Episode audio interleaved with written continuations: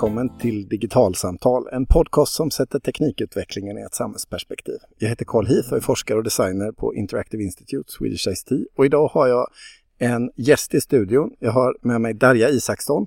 Du är nyligen utnämnd Årets opinionsbildare av Veckans Affärer.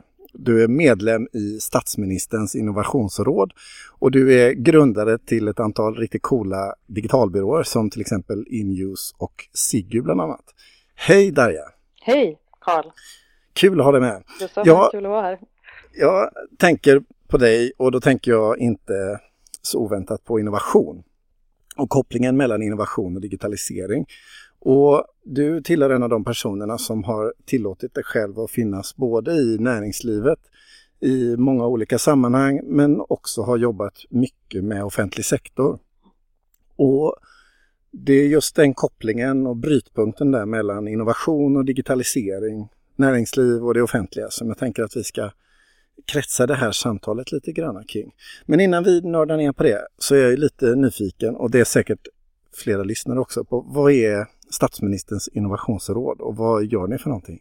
Ja, eh, ja men statsministerns innovationsråd är ett eh, råd som statsministern har initierat där han sitter tillsammans med ett antal eh, viktiga statsråd, till exempel vår finansminister, näringsminister, minister för högre utbildning och forskning och klimat och miljöminister och dessutom en ganska bred heterogen samling människor ifrån både näringsliv och eh, akademi.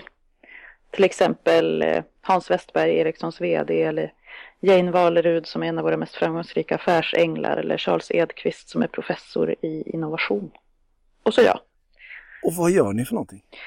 Eh, uppdraget för oss som är medlemmar det är egentligen att sitta där på ett personligt mandat och eh, finnas med i diskussioner, komma med konkreta förslag på vad som kan göras eh, för att gynna innovation i Sverige men också eh, ge våra reaktioner på, på andra förslag. Och alla de sakerna som diskuteras tas sen via Innovationsrådets kansli eh, vidare in på de departementen som behöver eh, jobba, som jobbar med sådana frågor.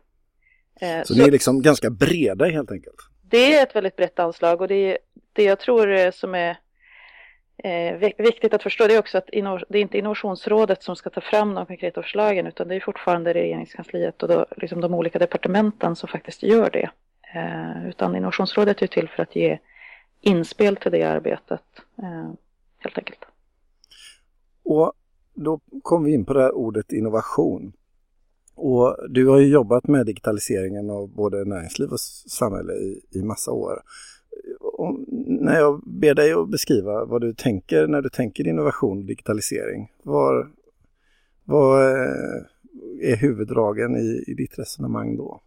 Om jag tänker så att eh, om vi börjar med bara begreppet innovation så handlar ju det om att göra en, en, en, en mer substantiell förbättring av någonting, en process, en produkt eller eh, någonting annat som skapar ett stort värde för mottagaren, samhället eller affären. Skillnaden är ju på engelska finns det ett par olika bra ord. Invention, det är ju när man gör någonting helt nytt. Innovation i sig behöver inte vara helt nytt, det behöver bara vara en substantiell förbättring. Och sen kan du göra en improvement som är mer en, en mindre inkrementell förbättring. Eh, så, och då är det intressanta och kopplingen till digitalt då, det är ju att den, jag, jag ser det digitala som en dimension som vi har skapat för oss själva. Och om man säger att digitalisering eller den digitala dimensionen skapar ju otroligt många möjligheter eh, att just innovera eh, i, stort, i alla sammanhang, alla verksamheter, inom alla yrken, inom alla områden eh, som vi har i det mänskliga samhället. Så det är klart att det hänger väldigt nära ihop. Och, och när det kommer till just liksom, samhällets digitalisering eh, så kan det vara många som känner att ah, men det har hänt otroligt mycket bara på liksom, de sista tio åren. Eh, vi har eh, liksom, alltifrån eh, att vi faktiskt använder BankID för att logga in på saker och man kan svara på deklarationen på sms. Och, det finns eh, såna här eh, vårdcentraler i en app eh, som man kan eh, eh, ha ett vårdmöte och så vidare. Det känns ju som att det redan har hänt eh, otroligt mycket. Liksom. Finns det något kvar att innovera eh, vad gäller digitaliseringen? ja. Eller liksom, det inte, liksom, ska det inte ta slut? eh, ja, det, vilken ledande fråga. Eh, nej, men det häftiga är ju att det bara precis har börjat. Det, är ju, det vi har sett de sista tio åren är ju eh, det första myrsteget på vad det här kommer att betyda eh, för det mänskliga samhället faktiskt. Och vi har ju väldigt många exempel på saker som, som vi skulle kunna göra i nutid. Om, lite brett så kan man säga om vi till exempel bara skulle titta på vård och hälsa så vet vi att vi kan använda eh, kombinationen av data, smarta algoritmer och eh, sam, ny, nya former av samskapande med patienter för att få både bättre och effektivare forskning. Alltså snabbare hitta allt ifrån fungerande läkemedel till effektiva behandlingar. Så. Vi kan få effekt du nämnde ju det här med att man kan ha vårdmöten online. Alltså vi kan ha effektivare vård som ger oss kortare väntetider. Vi kan som eh, individer få helt andra möjligheter att lösa saker hemma på ett tryggt och säkert ställe istället för att behöva åka in till någon akutmottagning och vänta i sex timmar och bli smittad av de sjuka människorna som sitter där. Eh, men framför allt så kan vi använda det digitala för att stärka oss som individer i våra möten med vår egen hälsa. Alltså att hjälpa oss att kunna vara proaktiva, att förstå vi förstår ju också i forskning mycket mer nu om hur stor skillnad det är på in, på individnivå i form av vad som egentligen är bra för oss, vilken slags träning, vilken slags kosthållning och så vidare. Så vi kommer att kunna använda det här till att bli bättre informerade, ha mer inflytande både på vårt eget beteende men också i relationen till eh, vårdapparaten.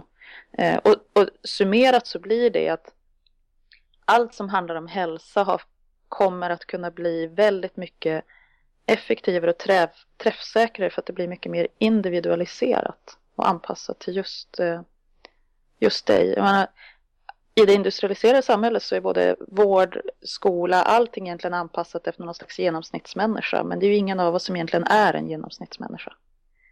Eh, så vi kommer att få väldigt mycket bättre kvalitet och resultat när vi klarar av att, att eh, få lösningar som är anpassade efter individer. Och när man då tänker att de här lösningarna ska anpassas för individer, ja, då kan man ju förstå att det krävs ganska mycket innovation för att, så att säga, skapa de nya processerna och tjänsterna och sådär. Och att digitaliseringen är ett led eller ett steg på vägen för att åstadkomma det.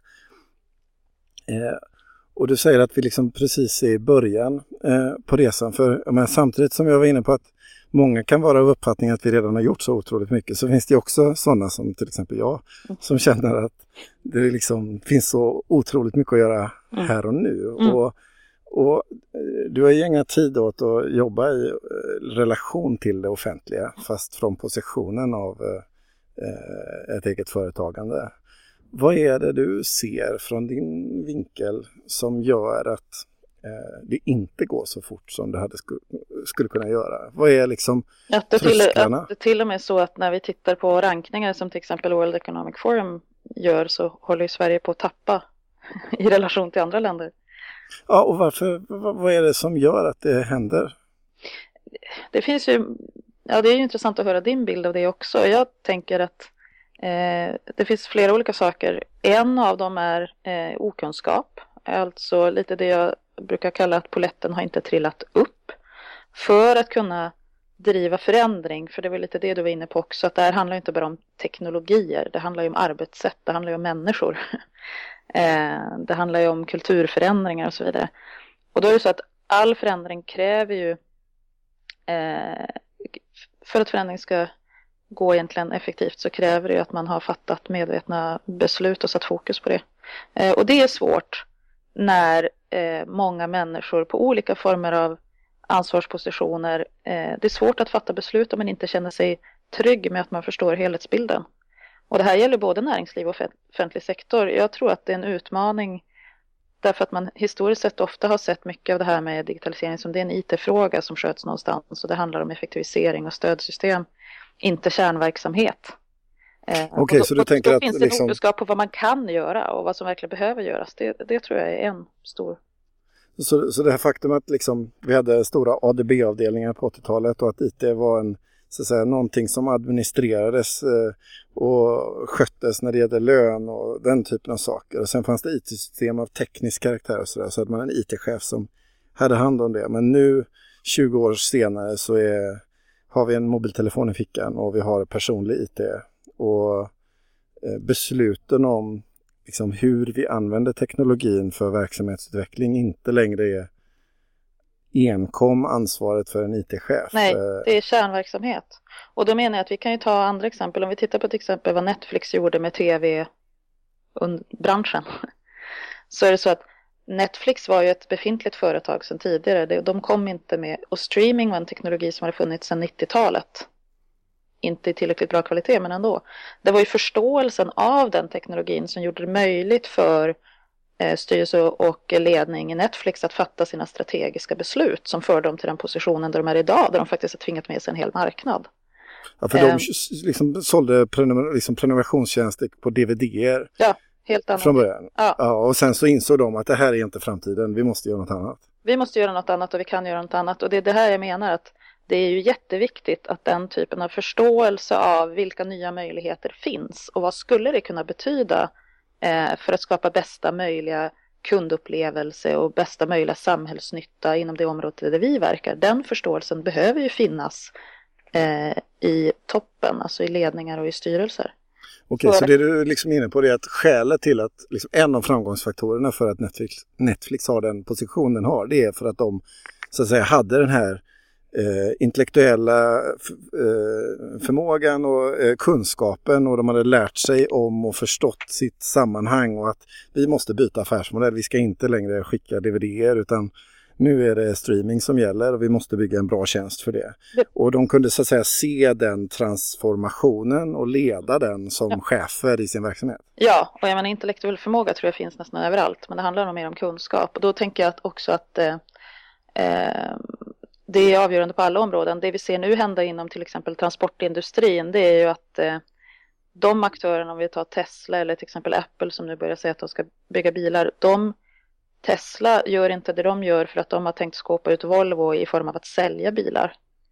Eh, det är inte deras affär och det förstår vi därför att de släpper alla patent som handlar om bilen öppna. De har gjort sitt fartmonster och sin, sina fantastiska bilar för att tvinga med sig resten av branschen. Och så lämnar de dem patenten för att de sen har tänkt att de ska tjäna pengar på batterierna för att det de vill få till stånd är ju transportsystem som är fossilfria. Eh, och samtidigt så sitter ägaren till Tesla med ett annat bolag eh, som heter Solar City som jobbar med eh, solcellsdriven energiproduktion eh, för fastigheter och där ska också batterierna finnas. Så att hans grundaffär är en helt annan än traditionell transportindustri.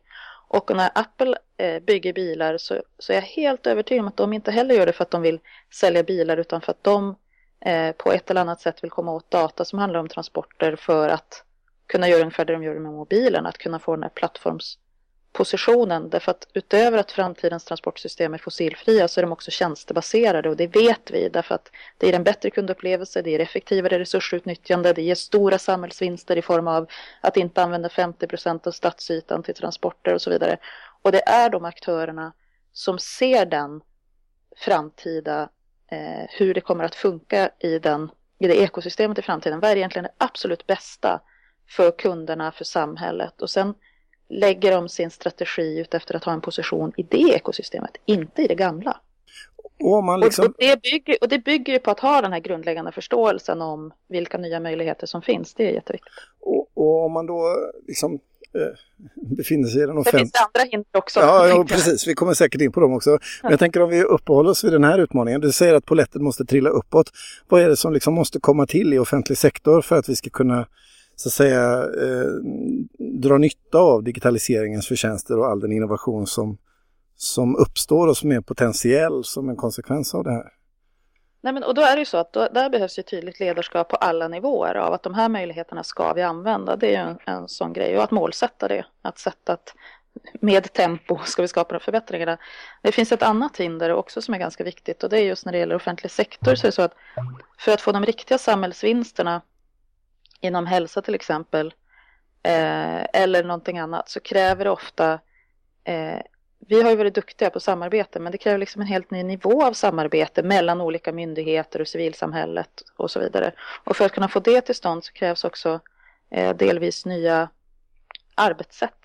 Eh, en annan sak som kan stå i vägen det är att på en del ställen så ser vi helt enkelt att incitamenten, så ser det ut i näringslivet också, incitamenten för enskilda affärsområden eller incitamenten för enskilda myndigheter eller aktörer i form av styrverktyg, belöningar och så vidare. Det som styr verksamheten gör det ofta svårt att innovera, svårt för människor i ansvarsposition att driva på det här därför att det inte är det de mäts på, det är inte det de belönas på. Då måste de ta väldigt stora personliga risker. I värsta fall så har man till och med incitamentstrukturer som motverkar innovation. Du tänker till exempel på det här liksom att eh, när jag befinner mig i en förvaltning i en kommun till exempel så får jag min budget och det som är viktigt för mig det är att, så att säga, förvalta eh, budgetens intention och plan. Eh, men om jag skulle liksom hitta på eh, innovation så innebär det per automatik att jag så att säga, ökar risken ja. i ett segment och det gör ju att jag i någon mening går emot idén om god förvaltning eftersom jag i det korta perspektivet och i det liksom begränsade sammanhanget just till den här budgeten och det här sammanhanget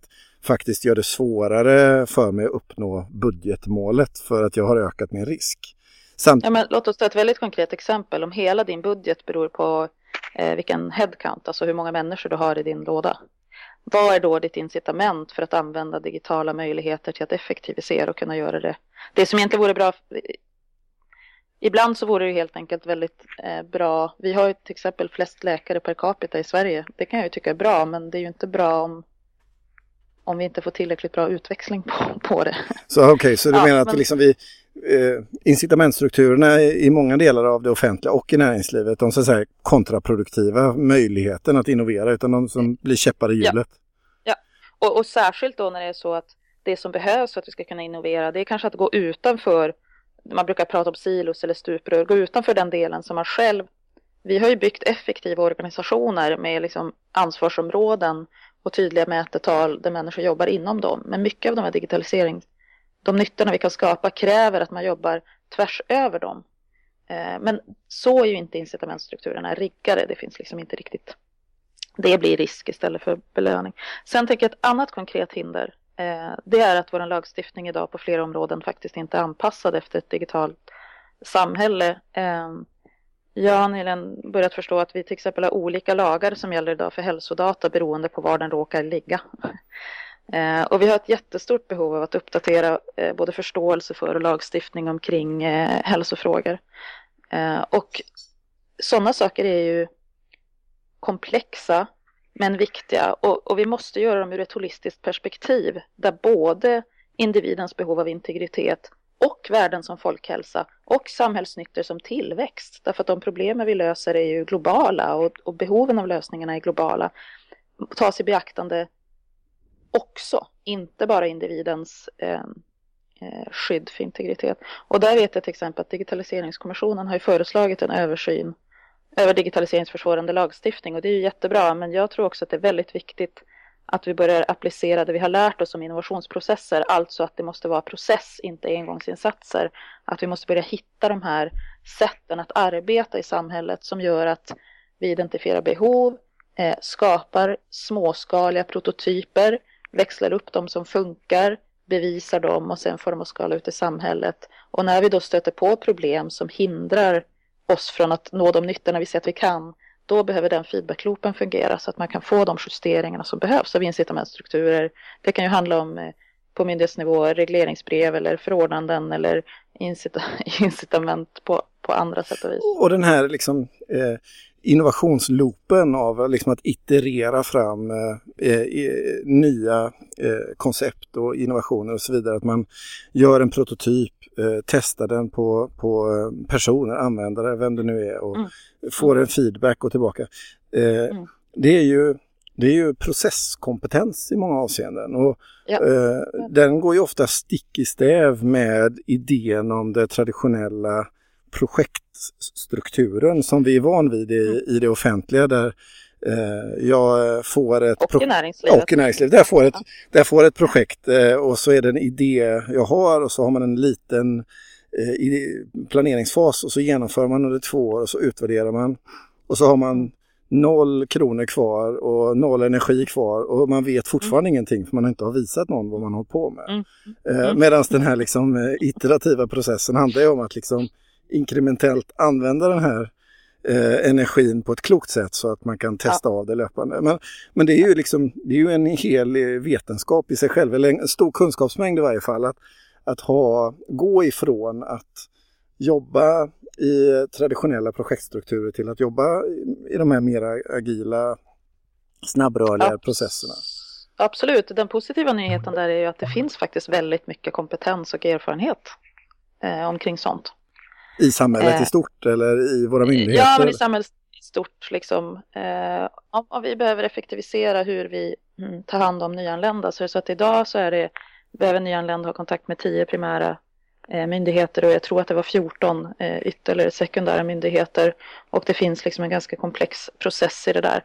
Om det ska effektiviseras så handlar det inte bara om digitalisering utan det handlar om att se helhetsbilden och för att se den så kräver det att alla de relevanta myndigheterna tillsammans med de som det berör, det vill säga de nyanlända, gemensamt hittar var har vi de prioriterade områdena där vi behöver lösa någonting tillsammans hittar lösningarna. Och det är det som är en central del, inte bara för att få bättre kvalitet utan ja, kanske framför allt det, så genom att jobba med de här delaktiga processerna så får vi bättre lösningar som faktiskt fungerar. Jag, jag tänker att Eh, i den här typen av innovationsprocesser som du beskriver, om vi tar exemplet med nyanlända, så eh, är digitalisering en del av ett pussel, men det finns många andra bitar. Det handlar om liksom, eh, processen i sig själv, det handlar om för, och också då liksom hur man integrerar i processen de som berörs av den, alltså användarna eller deltagarna eller kunderna och i det här fallet eh, de nyanlända.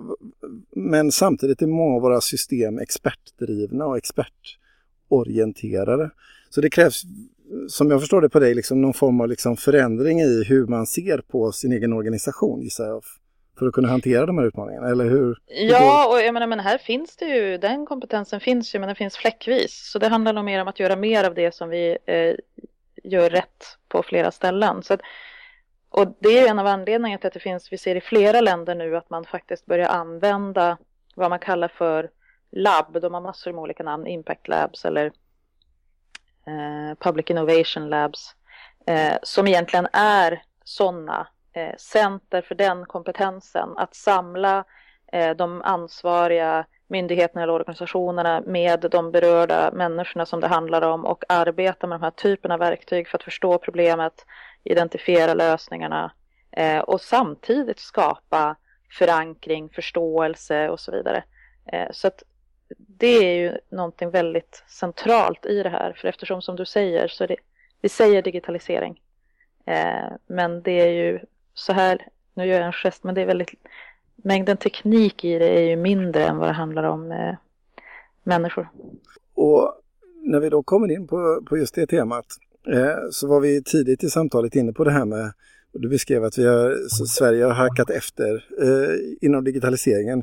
Och då handlar det kanske inte så mycket om just eh, teknikutvecklingen och sådär utan det här som vi börjat prata om nu om liksom andra eh, processer som följer med digitaliseringen som handlar om liksom förändrade sätt att eh, samla in information på, förändrade sätt att förstå eh, en process eller ett skeende eller kunna agera på eh, eh, saker och ting som påverkar en myndighet eller en organisation. Och, och där det kanske nästan mer handlar om, eh, om den här typen av frågor, om liksom, hur gör vi för att eh, med hjälp av den teknologi som ändå uppstår, så att säga, möta den på ett sätt som eh, skapar god nytta för myndigheterna.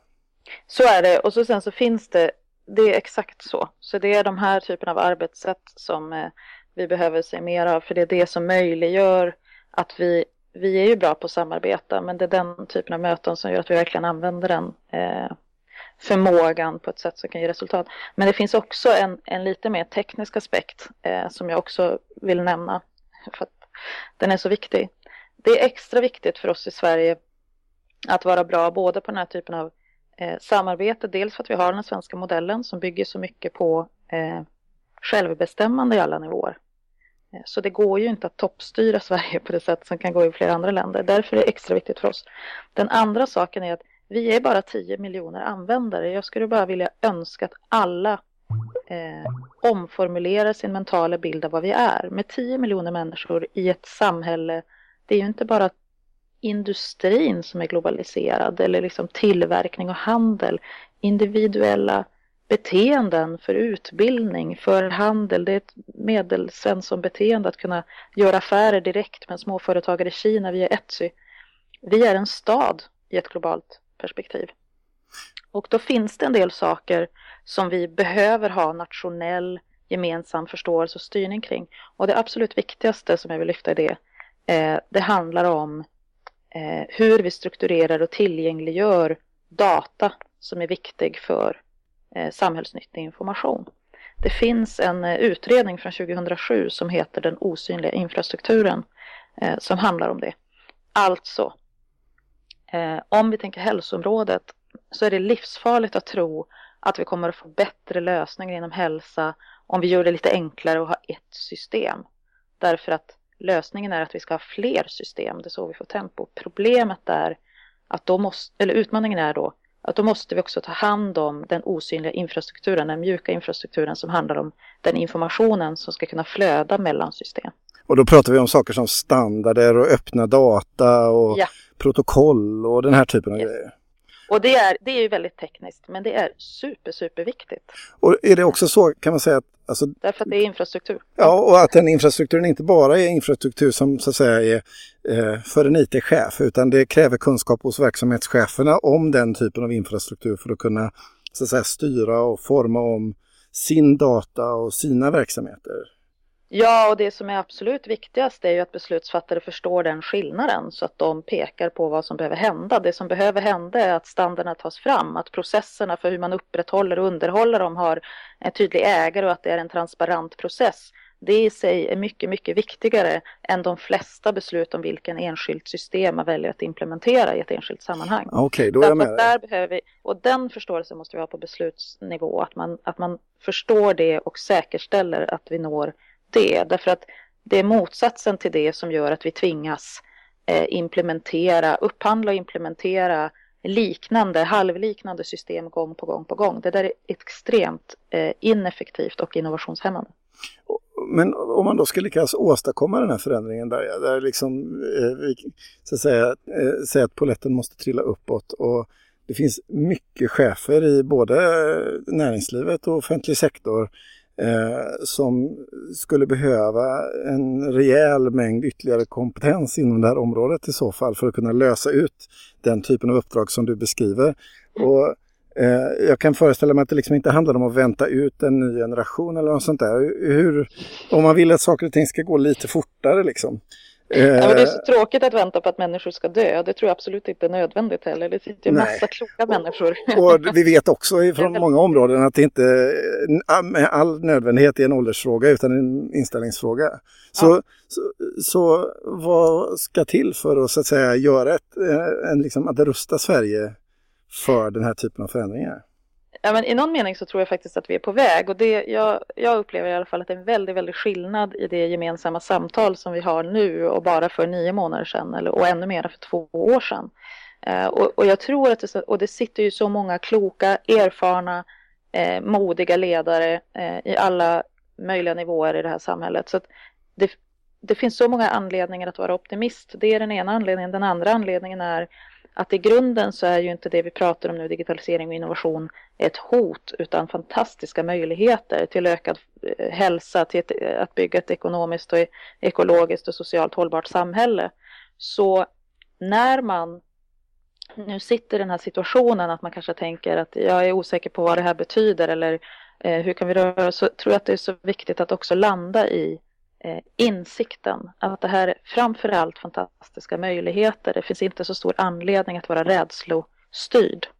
Eh, och då kan vi få lite mer det här lustdrivna till att både eh, uppdatera och komplettera sin egen omvärldsanalys, eh, insikt om vad som är möjligt. Eh, det är helt okej okay att börja ändra kanske en del riktningsbeslut som man har tagit därför att nu finns det ny kunskap omkring vad som är väldigt bra och ta stöd. Alltså, jag upplever att i Sverige finns det en otrolig mängd kompetens på det här området. Så att, eh, det handlar nog mer om att eh, våga använda sig av den, skulle jag vilja säga. Okej, okay, så om vi ska liksom runda av på något tonläge här så handlar det mycket om eh, att våga och inte vara så rädd för de små misslyckandena. Och, De små misslyckandena är ju vägen till framgång. Du vet hela startup-scenen finns ju ett sånt mantra som är fail fast. Och, och någonstans så, så, önskar vi det också för att kunna göra de stora landvinningarna i de stora processerna, tänker vi oss. Ja, och det vet vi. Så det behöver vi inte fantisera om. Det är bevisat så många gånger att det är ett väldigt bra sätt att komma framåt på. Så mycket handlar om att kavla upp ärmarna helt enkelt? Det är det du säger? Och köra liksom? Ja, ja och möjligheterna är fantastiska till att både på kort och lång sikt skapa väldigt eh, bra värden för oss som medborgare och för vårt samhälle som vi har tillsammans. Tusen tack Darja för att du var med i Digitalsamtal. Det var jättekul att få vara med. Eh, med det här så är dagens podcast slut. Hör gärna av er med kommentarer, tankar och funderingar om eh, samtalet i Facebookgruppen Digital samhällskunskap. Har ni en fråga till oss, tveka inte att höra av er. Det går jättebra att skicka frågor på mail. Adressen är i så fall podcast.digitalsamtal.se. På Twitter finns vi på digitalsamtal och är det så att ni prenumererar på podcasten i iTunes eller någon annan prenumerationstjänst får ni gärna skriva en kommentar eller ratea programmet så hamnar vi högre upp i sökresultaten och fler får möjlighet att lyssna till oss. Och till nästa gång, hej då! Hej då!